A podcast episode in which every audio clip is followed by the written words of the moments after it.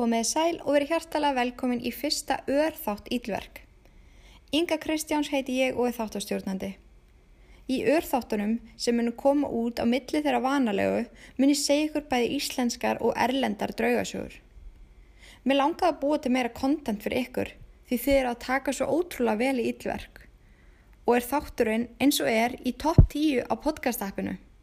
Svo ég vil skjóta þið inn hvað ég er ótrúlega þakklátt fyrir það. Þúsund þakkir elsku hlustendur.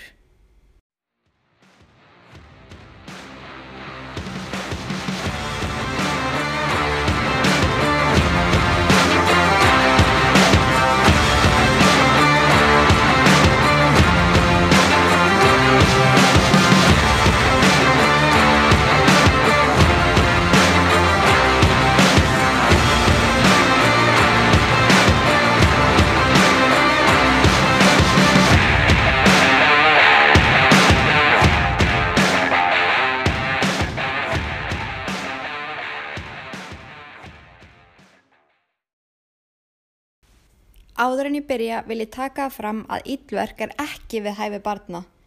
Ég kem til með að tala um morð, ofbeldi, kynferðsofbeldi og fleiri íllverk sem fólk hefur framið. Svo ef þú ert viðkvæmur fyrir svoleiðs umræðum, skeltu slökka strax.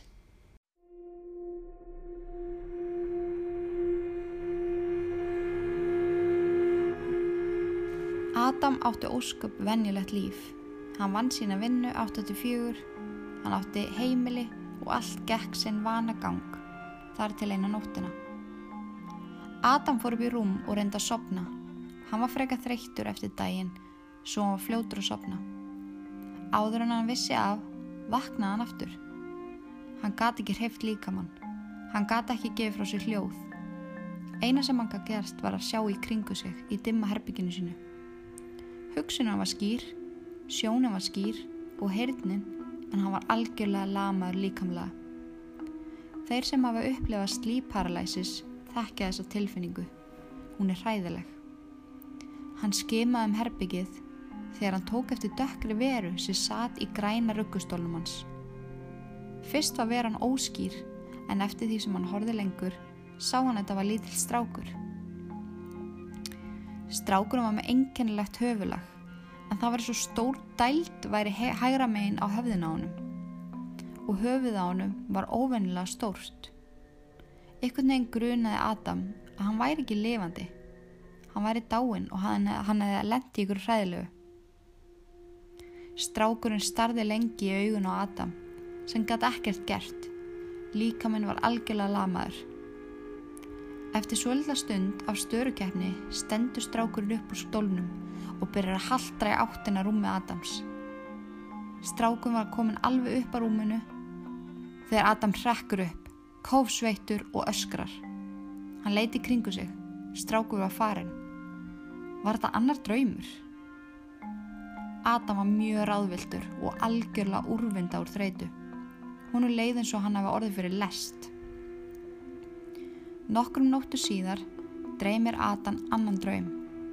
Hann var staðsettur á bókasafni og ung stelpa gengur upp á hann og spyr Þú ert búin að sjá Dear David, er það ekki? Adam segir David hver? Hún segir Dear David, þú sást hann? David horfir undrandi á stelpuna sem heldur áfram. Hann er dáinn, hann byrtist bara meðnætti. Þú getur spurt hana hverju sem er. En þú verður að segja Dear David á undan spurningunni. En passaði þig að spurja hann bara tvísar. Ef þú spyrja hann þrísar, mun hann drepa þig. Adam var frekar órátt yfir þessum draum. Að dreyma alls konar drauma um sama strákin er frekar skrítið fannst honum.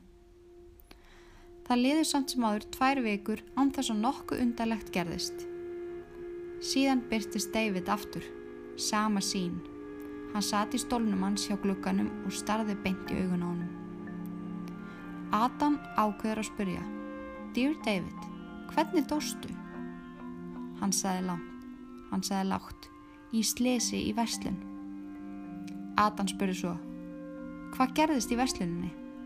David svarar, það datt hilla á höfuð á mér sem manneskja hrindi. Adam var frosin úr hraðslu, en ræður einhvern veginn ekki vissi. Hann spyr David í þreyða sinn, hver ítti hillunni? David svarar ekki. Adam hrekkur upp. Hann var strax áhyggjur að því að hafa spurt að þriðu spurningunni. Næstu daga lág Adam á netinu að reyna að finna og leita af döðsföllum í borginni en hann fann engar upplýsingar um strák sem lést í verslun. Aðrar tvær vikur líða og ekkert bólar á David. Þarna bauðist Adam að koma uh, á efrihæðina og kaupa íbúðuna þar. Hún var starri og flottari og hann var mjög ánægð með þessi kaup en aðalinn sem bjóðar var að flytja út. Eftir flutningana dreymir Adam David ekkert í um tvo mánuði og var raun og veru hættur að spá í þessu. Kanski veit David ekki hvar Adam er, þar sem hann flutti, en síðan fóru ansi undarlegir hlutir að gerast. Kettinir hans David hlöpu alltaf á miðnætti að útidrahurðinu og störðu á hana tímunum saman, eins og eitthvað væri hinum með við hana. Eitt kvöldið fekk Adam skrítna tilfinningu og leit út um, út um gæjugatið á hurðinni. Hann sá eitthvað hreyfast. Þegar hann opnar hurðina og kíkir fram á gang sér hann ekki neitt, en kettinni byrja að hvæsa. Þetta kvöld vissi Adam að dýr David fann hann, hann var komin aftur. Seks nætur í röð fóru kettinnir og störðu á hurðina á miðnætti. Adam þorði ekki kíkja aftur út um gæjugatið, svo hann reyndi að taka mynd þar í gegnum. Á myndinu verið stökk vera standa fyrir utan. Adam læsti hurðinni og fór upp í rúm. Hann vissi ekki hvað hann ætti til bræðs að taka. Nætuna líða og kettinir halda áfram að hlaupa út öllra hurðinni á miðnætti og stara á hann að tímanu saman. Eitt kvöldið hvæstuður og mjálmuðu svo mikið að Adam fór fram úr. Hún var virkilega órótt. Hann fann að kettinir voru að reyna að segja hann um eitthvað. Adam ákvaði að setja upp upptökubúna heima á sér sem tekur upp allskins, allskins hljóðbylgjur. Tæki tók upp 33 upptökur. Flestar af þeim voru bílahljóð hurðir að skellast og, þeirra, og allar freka venjulegar. En einn þeirra vakti áhuga Adams því hann heyrði fótatak í upptökunni klukka þrjú um nóttina. Hann fór ekki fram úr svo hann vissi og myndi alls ekki eftir því svo hann grunaði að þetta hefði verið David. Vitur, vinur Adam sá hann að kaupa, prófa að kaupa sér Polaroid myndavel og taka myndra í íbúðinni. Adam hafði alltaf langaði þannig svo hann slóð til. Hann tók myndir í söfnarbygginu og stólunum þar sem David satt alltaf, baðarbygginu, eldúsinu og þær kom alla venjulegar út og bjartar. Síðan tók hann myndir af ganginu þar sem öll ljós voru kveikt en myndina komu út svartar. Hann var vissum að pappirinn væri bara eitthvað skrítin eða ónýtur Svo hann opnaði alveg nýjan pakka og tók fleiri myndir, en þá komaður út alveg hvítar.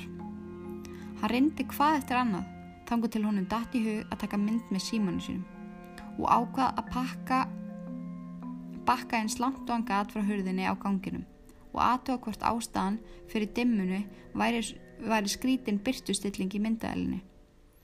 Þegar hann leitt svo að myndinar var myndin í símanum alveg eðlileg, gangur var bjartur og ekkert skrítið að sjá en á Polaroid myndavelinni var allt kveikt nema á ganginum. Þar var neða myrkur. En í ára raður hefur verið haldið fram að draugar vilja ekki láta festa sig á filmu en tæknin orðin svo mikil að hann getur ekki leikið á síman. Adam var hrættari og hrættari og ráðviltari og ráðviltari. Hann eitti meir og meiri tíma hjá vini sínum og fjölskyldu og að fara að líða virkilega illa heima á sér. Síðan var mælt með því við hann að notast við draugafælu heima á sér eða seits en það er nokkus konar reykjelsi sem er útbúið úr löfblöðunum seits. Það er eiga að hreinsa í burtu illa anda og skilja eftir gott og jákvæmt andrumsloft heima hjá þér. Adam var ekki lengi að verða sér út um svoleiðis. Hann gekk um allt og veifaði reykjelsinu svo íbúðin angaða mjög sterkum ilm. Nú hlautan að vera búin að losna við David fyrir fullt og allt. Um nóttina dreifið dremdi Adam David aftur eftir nokkra veikna pásu frá hann. Hann sati í grænastólunum hjá glugganum og starði á hann. Hann hafi minkað og herbyggi var fullt að reik og næstu sex veikunar fóru kettinir hans fram á útidrahörðinni og störðu á hana, hvestu og mjálmuðu. Adam var algjörlórðin ráðalös og styrlar úr hreðslu. Hann prófaði að taka upp sjálfa sig, sofa og klukkan þrjú á nóttunni heyrðist alltaf sama hátíðinni hljóðið sem enginn gæti útskýrt. Nokkru nóttu síðar dreymir Adam að David drægi hann á hægri hendinni í gegnum resastort vöruhús. Í draumnum gata Adam ekki streysta móti, hann var algjörlega lamaður. Morgunin eftir vaknar Adam og líður alveg þokkalega. Hann skellir sér í styrtu en þegar hún var lítið á hendin á sér var hann allir marinn á hægri hendinni.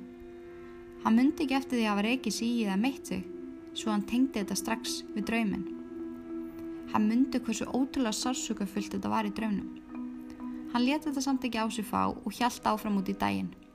Hann ákvaði að byrja á því að fá sér kaffi á kaffehúsi sem hann hefur farið á nánast daglega í fjögur ár. Á leiðinni þangað gengur hann alltaf fram hjá stóru vöruhúsi þar sem, þar sem er alltaf brjálu starfsemi, fullt af verkamönnum að vinna með alls konar tæki og tól. En núna, allt í einu, akkurat þennan dag, var algjörlega búið að yfirgefa vöruhúsið. Bókstala búið að hreinsa alltaðan, nema eitt. Adam fekk í magan þegar hann sá grænan stól út á miðju gólfi í vöruhúsinu ekkert ósvipaður þeim sem David setur alltaf í í herbygginu hans Adams. Þegar Adam var búin að sækja kaffi sitt var búin að loka og læsa vöruhúsinu og það hefur verið loka og læst síðan. Þetta kvöld og nóttina leið Adam frekar illa. Hann var tens og hrættur og voruðin óendala þreyttur á þessu. Kettinir heldu áfram að fara á sama tíma að útidrahörðinni, kvæsa og mjálma í um 15 mínútur og lappa svo bara í burtu eins og ekkert væri að. Síðan gerðist það. Þarna var þetta mjög raunverulegt fyrir Adam. Símin hans byrjaði að ringja. No caller ID. Hann ringdi stanslust. Adam netti fyrst ekki að svara því hann held að þetta væri eitthvað fyrirtæki að selja honum eitthvað. En þetta hætti ekki, svo hann ákvaði að svara. Hann hlustaði og það eina sem hann heyrði var kunnulegt hátinni hljóð, svipa því sem upptökutæki hans pikkaði upp á meðan hann svaf. Hljóðið hætti svo skyndela og það tók við algjör þögn. Adam hlustaði áfram döðrættur. Þá sagði ykkur í síman. Halló? Ótrúlega lári og mjórum á rödd. Adam panikaði, dróð fyrir öll glukkatjöld í húsinu, kveikt öll ljós og horði á sjóarpið alla nóttina því hann var ofrættur til að fara að sofa. Adam gata ekki beðið eftir ferðalæginu sem hann var á leiðin í en hann var að fara til Kína í þrjár vikur. Hann vonaði að David myndi endala að gleima honum og hann erði lausuð þetta fyrir að fullt og allt. Hann taldi dagu, dagana, hann gæti ekki beðið. Kettinir hans tveir þurftu að vera heima en vinnur hans ætlaði að koma og gefa þeim. Adam elskaði kettina tvo eins og börnin sín og setti upp svona nennikem svo hann geti fylst með þeim á meðan hann var í úti og ef hann gætt fylgst með hann gætt hann látið vinsinn vita ef hann tekur eftir ykkur óvennilegu. Appið sem fylgir nannikemminu gefur honum skýrslu yfir hreyfingar húsins og einni vídeo á hverju rými. Helgina áður hann fór til Kína ákvaðan að tjekka þetta kerfi aðtöða hvort það virkaði ekki örugla. Hann fekk skýrslur í síman, venjulegt stöf, kettin er að hlaupa um og leika sér. En klukkan þrjú um nóttina kom skýrsla sem meikaði enga sens. Það átti að veri hreyfing í stofunni þar sem græni stóllin var núna komin. Það meikaði ekki sens. Ekki gæti þetta verið vindur því allir glugga voru lokaðir og kettin er inn í herbyggi. Svo fann hann upptökuna af þessum tíma. Hann horfira á hana aftur og aftur og aftur. Og sér undala hreyfingu. Græni stóllin ruggaði hægt og rólega. Adam fór í ferðina og uppliði loksins frið og ró en hann fór svo að fá skýrslur í síman nótt eftir nótt á sama tíma. Þegar hann fer í vídeouptökunar sínir það köttinans, ganga í ringi og hoppa yfir eitthvað ósynlegt og þetta gera hann tímunum saman og honum finnst þetta mjög óvinnileg hegðum fyrir köttin sinn. Þegar Adam kemur heim frá Kína, endunærður og nokkuð vel sofinn, taka við marga vikur á slæmum martruðum. Hann dreymir aftur og aftur að David komi lappandi að rúminans haldrandi eins og hann eigi erfitt með að ganga. Þegar hann er alveg komin upp við andliti á Adam, fattar Adam hann sem er síman við hendina. Hann man í draumnum að hann byrjar að dreyta myndum og reyna að ná David á film og fá loksins sönnunagögg fyrir þessu. Svo vaknar Adam, döður hættur. Sami draumur, aftur og aftur. Hann vaknaði svo eina nóttuna algjörlega lamaður og svo andlit við hliðin á sig liggjandi á kottanum. Andlitið var af afsöguðu höfði og hryggjalsúlan lá niður eftir rúminu. Andliti snýri sér hægt og rólega að Adam. Adam hrekkur upp.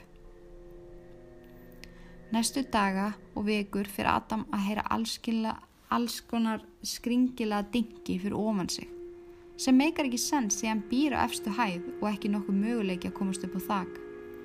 Hann hugsaði sér að þetta hlita vera músagangur, fugglar eða þvottabörnir eða allavega einhver eðlileg skýring á þessu. En dinginir heldu áfram og urðu örari og háverari. Adam ákvað að skoða teikningar af blokkinu og aðtöfa hvort það sé eitthvað svona geimsluplás fyrir ofan. Hvort David geti mögulega verið að bokkast í honum einaferðin enn. Viti menn, á milli íbúðunar hans og þaksins er mjög lágt crawl space þar sem þú getur ekki staðið upprættur og það er líklegast hugsa fyrir eitthvað svona lagnir. David tekur eftir stórum fleka fram á gangi þar sem hann hefði aldrei spáði áður. Hann ágöður að fá vinsinn og húsverðin til að tjekka að þanga með honum og kíkja upp á þetta loft. Þar finnst ekkert. Ekkert nema ramagsnúrur og lagnir og eitt lítill leðuskór og lítill glerkúla. Adam er vissum að þarna búi David. Viku síðar fyrir snjóa. Það er komið nóvember og veturinn og jólinn á næsta leiti. Þegar Adam er á leiði vinnun eitt morgunin tekur hann eftir litlum fótspörun sem verða að skanga hringin í kring blokkina aftur og aftur. Snjórum var nokkur með nýfallin og hann fyrstur út, svona fannst þetta ansið skrítið. Næstu dagar voru ansið rólegir. Hann reynir að eigða tíma með vinu sínum, fara út að borða og reynir að lifa eðlilegu lífi. Adam elskar að taka myndir, svo hann tekur myndir af brönsunum, vinu sínum og auðvitað selfies að sjálfu sér. Þegar hann kemur heim setnipartin fer hann í gegnum myndirnar á símanu sínum til að finna einhverja góða fyrir Instagram. Hann hrekkur upp og missi náldi síman í gólfið þegar myndaröð á dökkum myndum sem voru frá kvöldinu þar sem hann dreymir David. Þær voru ansiskýrar og sínan koma nær og nær rúminu. David er pingu lítill með vanskapa höfuð eftir slísið og í einum skó Adam algjörlega störtlaðist. Hún er leið eins og hann var að missa vitið og hann vissi ekki hvert hann ætti að snúa sér. Næstu daga fór hann að sjá David bregða fyrir íbúðinni og dinginir heldu áfram. Síðan þá hefur ekkert heyrst meira frá Adam. Margir halda því fram að Dear David hafi náð til Adams en það finnst ekkert meira um hvað gerðist næst. Síðasta uppfærsla málsins var í desember 2017. Kanski hefur Adam lært að lifa með Dear David. Eða kannski hefur hann flutt í burtu. Hvað heldur þið? En allavega þánga til næst ætla ég að byggja ykkur um að forðast öll ílverk. Nefnu auðvitað þetta podcast. Verðið sæl.